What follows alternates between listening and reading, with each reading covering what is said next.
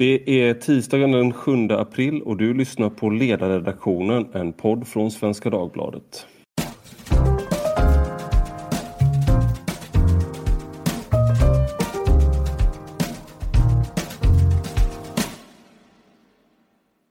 Och idag är det precis tre år sedan som terrordådet på Drottninggatan där Rakhmat Akilov körde en lastbil och hade ihjäl ett antal människor och eh, även försökte döda ett större antal. Och med mig idag för att prata om den här tragiska årsdagen har jag Magnus Ranstorp. Välkommen!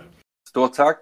Och du är terrorforskare sedan många år och Sveriges mest namnkunniga terrorforskare skulle jag nog säga. Vad tänker du på en, en, en sån här dag när det gått tre år sedan eh, Akilovs terrordåd? Ja, det är ju först och främst är det svårt att fokusera på just uh, den här terrorhändelsen eftersom coronapandemin är ju fullt utbrott och det kanske skymmer lite grann sikten. Men eh, jag tänker naturligtvis på, på offren och eh, de anhöriga som påverkades och, och, alla som påverkades av detta. Um, det blev ju, det blev ju eh, uppvaknandet kan man säga rejält att uh, här, har vi, här har vi ett rejält terrorhot. Vilket man inte hade kanske uppmärksammat tidigare. Men jag tycker att eh, jag tycker responsen var bra. Sammanhållningen var, var helt avgörande och där spelade framförallt uh, kronprinsessan och, uh, och även den politiska ledningen en viktig roll att, uh, att förhindra polarisering. Så det tänker jag när jag tänker på den här dagen. Vi ska komma in lite mer på eh, coronakopplingen för jag håller givetvis med om att det är väldigt svårt att tänka på något annat än eh, coronaepidemin just nu. Jag hade, när jag förberedde mig för det här samtalet så gled jag hela tiden uppmärksamheten bort från eh, terrordåden in på det pågående liksom, dödsfallen på våra sjukhus och runt om i världen. Men jag tänkte en sak som min eh, chef Tove Livendal skrev om idag och som eh, jag själv har skrivit om tidigare. Det är just att vi hade ju ett terrordåd 2010 på Drottninggatan som var misslyckat för terroristen så att säga. Han, han lyckades detonera två bomber och, eh, men han lyckades bara döda sig själv. Mm. Men om jag har förstått allting rätt så var det en ganska eh, välgjord bomb och det var bara en eh, var bara tur att, eh, att det blev så snöpligt för, för hans del och tursamt för oss andras del. Ja. Men så de, de lärdomarna som man borde ha dragit eh, då 2010 eh, drog man inte, eh, menar Tove i sin text idag. Va, vad säger du om den kritiken? Ja, hon har helt rätt i, i, i detta. Alltså först och främst så var det inte någon amatörtimme eh, 2010 i december. Eh, gärningsmannen Taimur Abdul Wahab hade ju varit en lång tid i Storbritannien och även nere i Mellanöstern och sen reste han in och så, så köpte han upp eh, ja, en bil och, och, och konstruerade detta. Um, och det var ganska avancerat. Det var egentligen meningen att eh, det här dådet, eh, han satte eld på sin bil men i bilen hade han eh, gasoltuber och, eh, och annan, annat material. Och meningen var ju då att han skulle aktivera och spränga bilen när, när räddningspersonalen kom dit. Då. Och sen hade han också två stycken eh,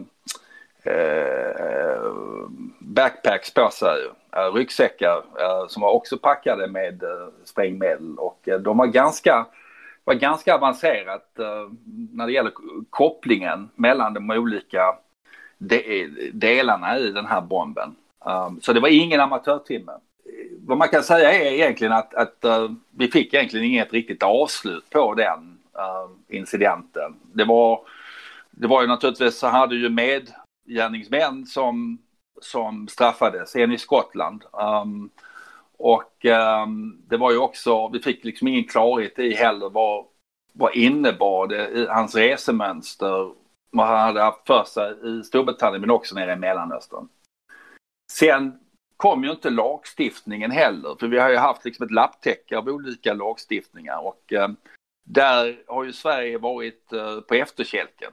man har ju rättat upp det nu, men man har varit på efterkälken en ganska lång tid. Eh, och eh, det innebar då att eh, Sverige, konsekvensen av det hela, att vi har liksom haft ganska ja, undermålig lagstiftning och ganska låga straff har det inneburit att, att Sverige har uppfattats som en, en, en fristad där man kan ja, generera pengar, man kan rekrytera, man kan radikalisera. Det har då växt, alltså det har varit en stadig tillväxt i de här miljöerna. Och um, så att vi har ju, om vi bara tittar utåt gentemot våra grannländer så, så har vi ju fler antal extremister i inte bara den våldsbejakande islamistiska miljön men också högerextremistiska miljön. Vi är liksom epicentret. Vi har fler än våra nordiska grannländer tillsammans i de här olika miljöerna. Och då kan man ju fråga sig vad, vad beror det på? Vad är din gissning? Vad, vad, vad beror det på?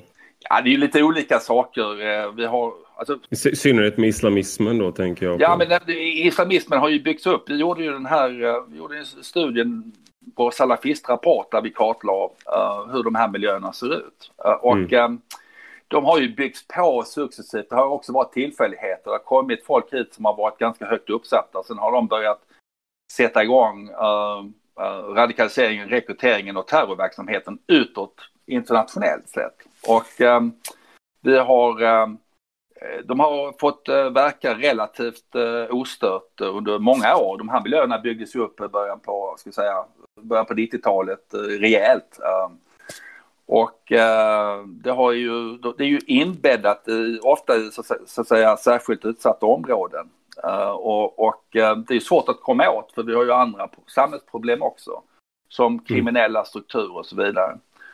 Och vad det här har ju inneburit då i långa loppet är ju inte bara att uh, det finns individer som kanske radikaliseras och åker ner och strider för IS i Syrien och så vidare. Men det, det handlar också om att de har hittat luckor i, vår, i, i, i vårt samhällssystem som de kan utnyttja. Och framförallt handlar det väldigt ofta om finansieringen av extremismen. Det är väldigt mm. mycket pengar som, som går in till de här rörelserna. Och både, både genom att de utnyttjar välfärdsbrottslighet i stor skala. Um, genom exempelvis samordningsnummer. Det utnyttjas systematiskt för att, ge, för att de ska få identiteter som kan då användas för att ge access till en rad olika så att säga, brottsverktyg. Um, mm. Eh, och, eh, och, och, eh, det har vi fortfarande problem med. Så att, vad jag är mest förvånad över, att titta på de här frågorna i i 30 år är hur mycket pengar som egentligen finns i de här miljöerna.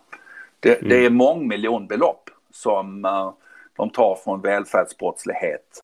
Um, och det har att göra med ofta med att vi... Och välfärdsbrottsligheten har... innebär då liksom att indirekt att eh, svenska välfärdsstaten sponsrar sin egen undergång. Ja, alltså vad de gör är att de använder eh, att vi inte har koll på våra identitet. Att vi har gett ut eh, samordningsnummer som konfetti och det har använts då av de här brottsuppläggen, både av extremister men också av organiserad brottslighet. Till att exempelvis eh, generera pengar. Man skaffar sig, man har ett samordningsnummer så, så kan man få ett, ett falskt anställningsbevis eller fejkade företag.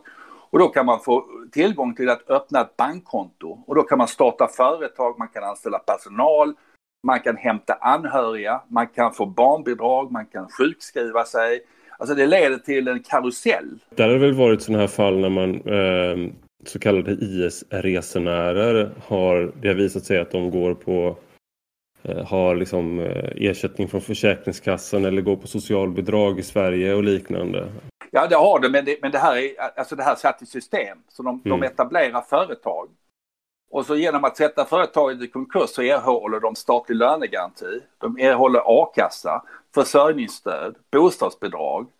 Eh, och, eh, så att, och, och då har de ju olika personer som, som uh, erbjuder brottstjänster. De erbjuder intygen, falska anställningsintygen. De, de, de har, du har målvakter som ger de här samordningsnumren och det ger då en ovärderlig nyckel till olika former för brottslighet och det utnyttjas maximalt av många av de här kretsarna. Sen har du den andra kategorin av, av, av uh, aktörer. Um, exempelvis de som har startat upp skolverksamhet. Um, kanske det mest kända är ju Vetenskapsskolan i Göteborg. Um, mm. Som uh, hade, uh, dels hade de ett överskott, jag tror sist jag tittade var det på runt 15 miljoner. Um, Uh, och uh, det tillhör ju en av de här imamerna som ansågs som ett säkerhetshot och som, som, som ska utvisas. Eller har, har väl troligtvis utvisat sig själv genom att ha lämnat landet så vitt jag förstår. Okay. Det, är obe, det är obekräftat. Men, men, men att uh, det finns um, man, man, har då byggt upp sådana här, såna här skolverksamhet. Inte bara skolverksamhet men också förskoleverksamhet. Eh, dagbarnplatser platser eh, och eh, då dels så isolerar man sig själv från samhället men också så, eh, så genererar det mycket pengar och du kan, du, du har din egen lilla community så att säga. Det är det här som är känns som en, ehm, vad ska man säga, en skillnad som jag uppfattar det eh, mellan till exempel vänsterextremism och islamism. Vad gäller vänsterextremism då är det ju så att säga eh, inom citationstecken eh, våra killar och tjejer på många sätt. Och många av dem har haft, eh, de är utbildade, de är, de är en del av majoritetssamhället och ingår sen många som sen går vidare när de lämnar det där bakom sig och blir eh, eh liksom etablerade akademiker och liknande och blir mm. etablerade samhällsmedborgare. Mm. Och i, i, mindre utsträckning kanske med högerextremister men att de också är i större utsträckning en, eh, en del av majoritetssamhället eh, och att de eh, kan lämna det där bakom sig och fortsätta vara en del av majoritetssamhället. Men här har du liksom en, en ett parallellt samhälle där alla majoritetssamhällets institutioner har eh, därför också svårt att ha uppsikt på ett helt annat sätt. Just för att man inte det, det är parallellt i ordets eh, verkliga bemärkelse. Man har parallella värderingar, parallella liv. Man eh, ingår inte i samma samhällsstruktur. Man möts inte med majoritetssamhället och sen så har man dessutom den här eh, i de här samhällena så har man också den här liksom, islamismen. Då. Och då är det väldigt svårt för eh, samhällsstrukturer att, att, att arbeta mot, mot de här grupperna och, och hålla dem under uppsikt. Man är väldigt beroende av eh, så att säga moderata muslimer eller liknande att ge en tips eller att eh, motverka det här. Ja, alltså problemet har ju varit att vi, vi, vi ofta har, alltså rent samhälleligt har vi haft problem att diskutera de här frågor, frågorna under längre tid. Och det gav, ju, det gav ju utrymme för att eh, de här grupperna skulle så att säga etablera sig rejält och, och, och, och eh, Eh, ingen vågade egentligen ta i det för då kom ju islamofobikortet uh, upp uh, omedelbart. samtidigt då också så handlar det om att man måste ha en myndighetsgemensam ansats. Det har man fått till nu mycket, mycket bättre än tidigare. Men det har ofta varit stuprör mellan myndigheter. Och då menar jag, de som inte är brottsbekämpande myndigheter, de ser ju olika saker. De ser det på Arbetsförmedlingen, de ser det på Eh, Försäkringskassan, eh, Bolagsverket eh, och, så vidare. Och, och, men ofta då så blir det jobbigt att ta i de här frågorna.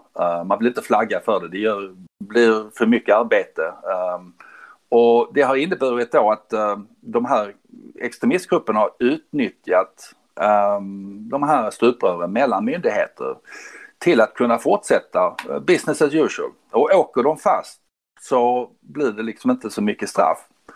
Många av dem som, eller några stycken av dem som reste ner, de, de utnyttjade... Och reste ner till eh, Syrien? Ja. ja, till IS och så vidare. Um, de, de höll ju, försökte hitta lite olika sätt. De, de, de, vissa av dem gick på CSN-lån. Uh, vissa, vissa utnyttjade ja, välfärdssystemet för att få bidrag medan de var där nere och bostadstillägg och så vidare. Skramer, eh, Mikael Skramer från Göteborg är ett sånt, sånt fall. Eh, men andra gjorde lite mer storskaliga bedrägerier. De, eh, de var involverade i momsbedrägerier, det vill säga de importerade elektronikprodukter, mobil och så vidare. Sen sålde de det till mycket billiga peng, pengar till olika svenska företag och sen skulle de skicka in eh, momsen till, till eh, staten, vilket de inte gjorde utan de transfererade den momsen till utlandet, till, eh, till IS. Eh, och så då, momsbedrägerier framförallt är ett problem. Vårt grannland Danmark har haft ännu större problem. Där har de haft ekonomiska härvor som har som involverar då IS personer, IS-resenärer. Um, ehm, uppåt en 800 miljoner var uppdagades eh, nyligen. Så det, det, här är mycket pengar och kan man komma åt pengarna så, så uh, är det en viktig åtgärd. Uh, då kan man framförallt strypa uh, åtgången, och, uh, vilket, är, vilket är helt avgörande. Va, va, jag tänkte vi skulle bara snabbt Akilov som begick terrordådet för tre år sedan. Han känns spontant när man läser om honom och när man läser om andra eh, terrorister och liknande så avviker han lite i min uppfattning att han eh, verkar ha varit väldigt... Han avviker i så, så, så mått jämfört med de här IS-resenärerna som åkte ner och stred i Syrien i att han var, verkar ha varit eh, ganska ganska isolerad. Han, lik, äh, isolerad. han liknar nästan en sån som Breivik på något sätt. En person som har haft kontakt via internet och, och liknande. Stämmer det eller vad, är han en mer eh, eh typisk terrorist eh, eh, trots allt? Ja, alltså jag tycker det är svårt. Först och främst så, så kom han ifrån från, um, uh, Uzbekistan. Um, han kom från Centralasien, han kom inte från Mellanöstern. Um, mm. Men som vi såg under rättegången och uh, förundersökningsprotokollen kunde vi läsa också att uh, han uh, stod i ständig kontakt med uh, dem, uh, med uh, IS-personer nere i Syrien. Um, individer som hade tajikisk härkomst um, från Tadzjikistan. Och han, han han var isolerad, han hade fått avslag eh, eh, i sin asylansökan. Han eftersöktes av polisen. Ehm, och därför kanske han också blev lite mer desperat. Han var tvungen att göra någonting för att, för att stanna kvar. Uh, problemet var att uh, han, um, han stod i ständig kontakt och han försåg Eh, personer nere i Syrien med eh, simkort som man får gratis i Sverige, anonyma simkort. Så han försåg eh, 53 konton nere i, eh, i eh, konflikthärden. Eh, IS-personer som då kunde starta upp WhatsApp och annat genom användning av de här simkorten. Nej, och, och, och han är ju faktiskt eh, så pass unik att när han körde lastbilen och, och mejade ner folk så stod han i direktkontakt med, um, med uh, de här eh, IS-ledarna uh, eh, där nere som, som hjälpte till och coachade honom för uppdraget. Uh, han stod i kontakt med dem kontinuerligt och när han flydde då sen ner i tunnelbanan upp till Arlanda Express och skulle fly därifrån så eh, skickar han också bilder och foton på sig själv till mm. de här IS-personerna. Så han var, han var ensamagerande men det finns alltid liksom ett större kontext och i det här fallet så fanns det personer också bakom mm. som verkar ha haft ett finger med i spelet. Jag tänker eh, bara det här med hur man kommer åt pengarna och hur man kommer åt... Du, du var inne på det att en del har hänt på senare år, särskilt de senaste tre åren då. Ja. Eh, men eh, vad, vad är det vi saknar idag i Sverige som vi skulle behöva? Alltså på kort och medellång sikt. Vad, vad behöver vi för verktyg som vi inte har idag? Enligt dig? Ja, alltså vi har, ju, vi har ju fått många verktyg de senaste så att säga, tre åren. Det handlar ju alltid från eh, hemlig dataavläsning. Vi har ju också en ny utredning som kom Eh, Eh, den 31 mars eh, och den handlar ju om, eh, om lagen om särskild utlänningskontroll. Att man då ger Säpo utökade möjligheter till att använda tvångsmedel mot, mot icke-svenska medborgare, utlänningar. och, och att man försöker också utvidga den tiden som man kan hålla personer som ska utvisas i förvar om de utgör ett säkerhetshot. Så att det finns många sådana här åtgärder, lagstiftningsåtgärder och så vidare. Det där tror jag ligger liksom helt rätt nu. Vi mm. behöver också höja straffsatserna för det, jämfört med Danmark och Norge så har vi lite lägre straff, äh, aningen, äh, relation till terrorbrott som ska vara en väldigt allvarlig äh, brottsrubricering. Det allvarligaste, en av de allvar, allvarligaste vi har. Mm. Men vad vi behöver egentligen är ju kanske mer på det förebyggande sidan, att vi måste liksom trycka tillbaka de här kretsarna. Med, medan, medan de brottsbekämpande myndigheterna stressar de här miljöerna, det vill säga att man går efter deras, försöker gå efter deras pengar, uh, man går efter exempelvis de här imamerna och lagen om särskild utlänningskontroll och så vidare, så måste man också in samtidigt med förebyggande åtgärder. Svårigheten är ju då att eftersom det här är inbäddat i de här särskilt utsatta områdena som har helt andra problem, där du har andra aspekter, där den här extremismen gömmer sig. Det är väldigt svårt att komma åt det. Man måste ha uppsökande verksamhet, man måste ha um, uh, ett, ett, ett, annat tänk och, och, det här har ju ofta varit uppbundet på att, att socialtjänsten och polisen inte kan utväxla information. Det har varit väldigt stränga sekretessregler.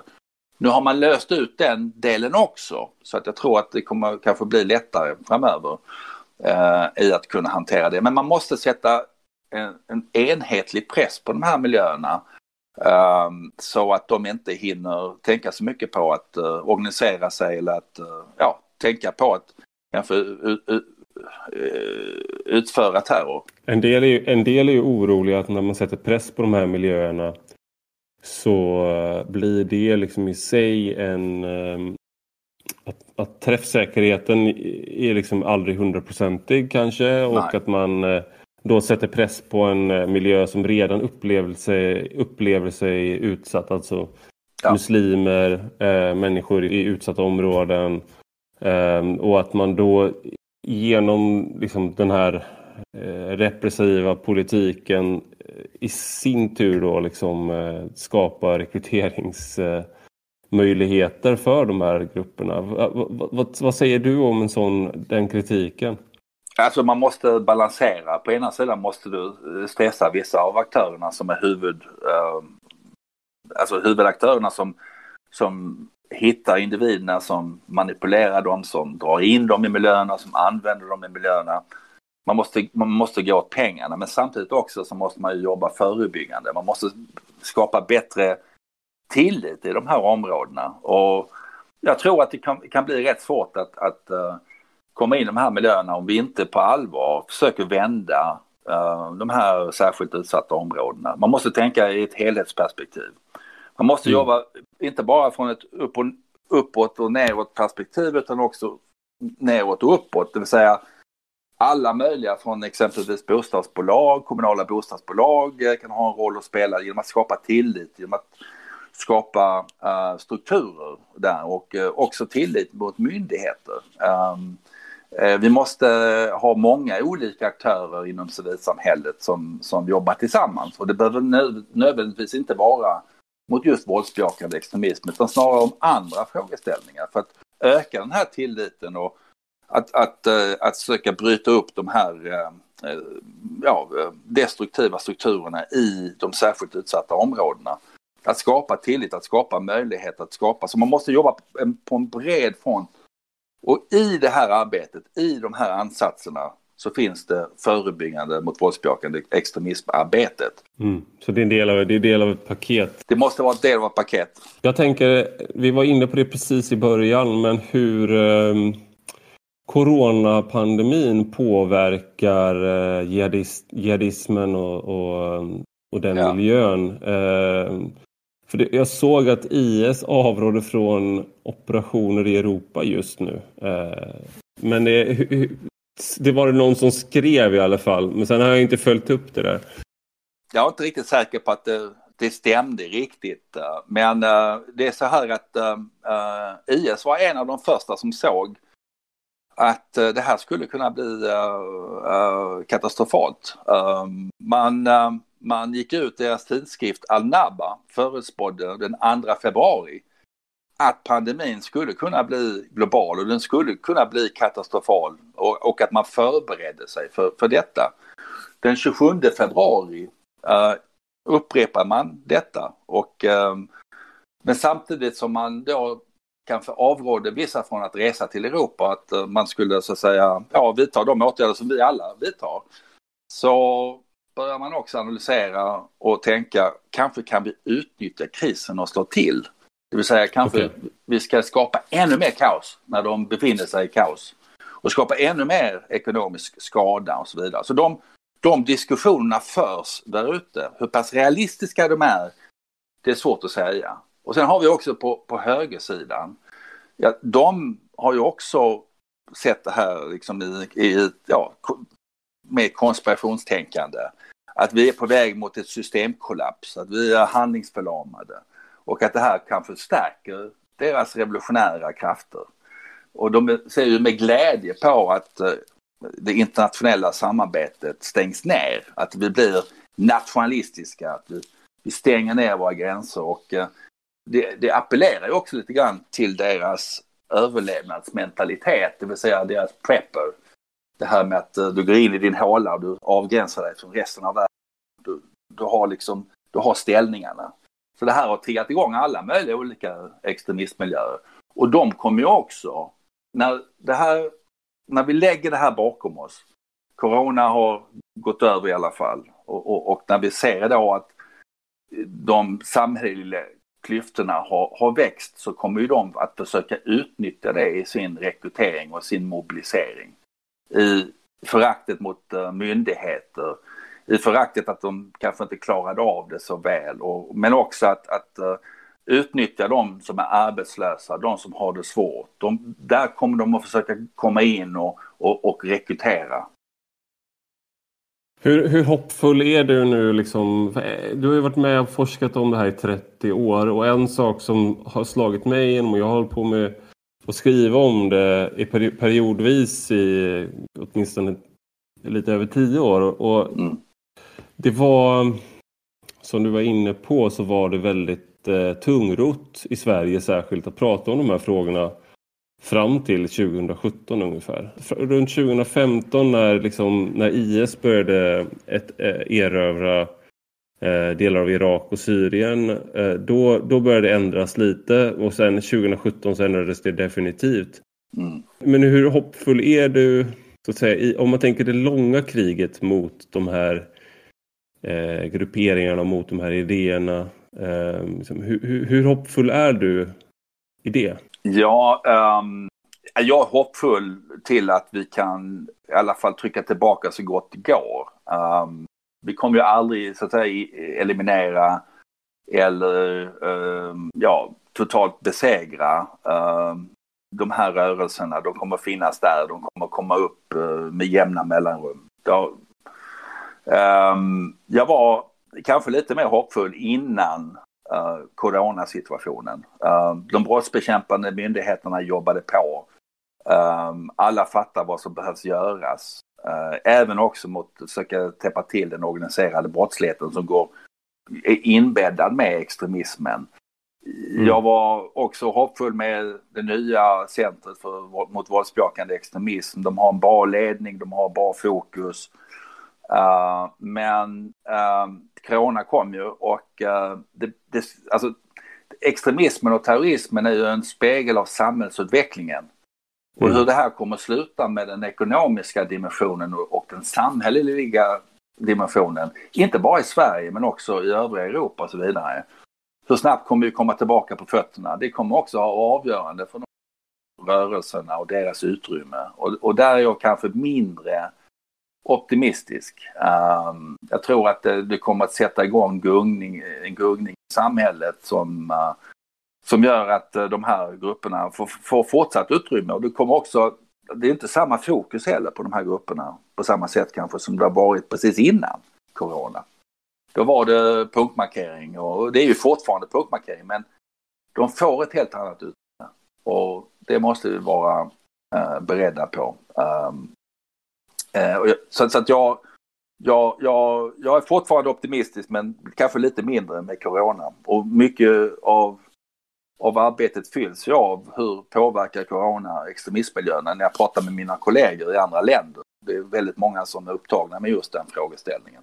Ja, som medborgare så är man, eh, finns det många skäl att vara orolig eh, i coronatiderna. Men som forskare så eh, är det såklart intressant för dig att kunna följa det här. Och som skribent så kommer jag i alla fall inte få slut på, sam på ämnen att skriva om framöver. Så det, i det avseendet så är det hoppfullt i alla fall att man kommer kanske inte bli av med jobbet. Nej, definitivt. Jag tror att, uh, att uh, det kommer att... Det, många jobb kommer försvinna men, men andra kommer att bestå. Mm. Och uh, därför så... så uh, men, men allting, jag måste bara avslutningsvis få säga att eh, en kris kan ju vara, det betyder ju två saker. Det ena, det ena är att det är en, det är en fara, det är en akut fara. Ehm, men det kan också representera en möjlighet. Och det beror ju på hur man, hur man vänder på kuttingen. Och man kan se att det här finns också en möjlighet att komma ut på andra sidan och att skapa någonting nytt. Jag tänker mig det här kris, krismedvetandet som finns nu. Där man, eh, människor plötsligt blir, känner sig sårbara på ett sätt som vi inte har varit på Eh, så här ihållande sårbara går väl bara att likna vid en krigssituation även om det finns väldigt stora olikheter också ja. Eh, med, med en krigssituation. Men det är, ju, det är ju någonting som gör jag tror påverkar hur människor ser på sig själva och ser på samhället på ett djupgående sätt. Eh, och det, just nu så är vi fortfarande, nu har det bara gått en månad av social distansering och liknande här i Sverige. Mm. Men jag tror att på lite sikt så kommer vi nog att se en värderingsförändringar och också kanske att säkerhetsfrågor lite mer, vad ska man säga, en hel, helhetsbild av vad säkerhet, till exempel beredskapslager och sånt där är ju väldigt aktuellt nu med att vi inte har några i Sverige. Mm. Medan Finland har det. Ehm, men även då kanske sådana här frågor att man helt enkelt eh, eh, anser att den här typen av frågor också är viktigt att vi helt enkelt får syn på att vi, nej, vi är inte så odödliga. Historien var inte slut. Mm. vi, vi, eh, det kanske inte bara går, går uppåt, framåt och utåt utan vi, ibland så måste man även säkra staten och kärnuppgifterna och liknande. Eh, om, om, man ska försöka vara, det, det, det, kanske är negativt på vissa sätt men det är hopp, hoppfullt i alla fall kanske då är att man eh, inte är så naiv inför sådana här frågor. Man inte längre tolererar den handlingsförlamning eller att man inte, att man inte talar klarspråk och liknande. Det, du har helt rätt i det. Men det, det blir ju ofta ett problem för då, då springer man bara på den, den senaste krisen. Uh, och uh, man måste förbereda sig för en palett av olika kriser. Det kan, det kan ju lika gärna varit uh, cyber Mm. En, en, global cyberattack eller som stänger ner vår, eller, eller elförsörjning eh, och andra frågeställningar. Så att jag menar, där, där kommer man att stärka vissa delar men man kanske blir oförberedd för andra, man hoppar kanske för mycket åt, åt ett håll. Så man måste ha den här breda delen och, och i och med att vi har ett system som vilar på Axel Oxenstierna, vi har starka oberoende myndigheter som med stuprör så, um, så kräver ju det också kanske att vi tittar och ser hur kan vi förbättra det här systemet så att vi har, får en helhetsbild. Vi har ju föreslagit länge att man skulle ha en nationell säkerhetsrådgivare mm. um, i, i, i statsrådsberedningen uh, som, som, kan ta ett helhetsgrepp uh, mm. i regeringskansliet uh, om just sådana här frågor. Samma med, med, med cybersäkerheten, att vi, vi, vi säkrar det. För att, Ja, vi kommer få mer pandemier. Eh, till och med terrorgrupper kan ut, utnyttja okonventionella medel. Men, det, men, men eh, vi måste också förbereda oss för andra typer av kriser i samhället. Ja, nej, men med de hoppfulla orden om att vi kan förvänta oss eh, även and, nya pandemier men även eh, ett globala cyber, eh, eller cyberattacker och, och, liknande så tror jag att jag får släppa iväg för jag vet att du har mycket att göra.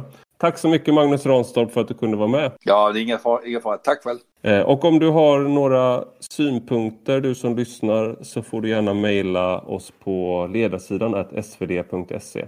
Jag vill också passa på att tipsa om att du nu kan läsa SvD helt gratis i tre månader. Och om du vill göra det så går du in på svd.se podd.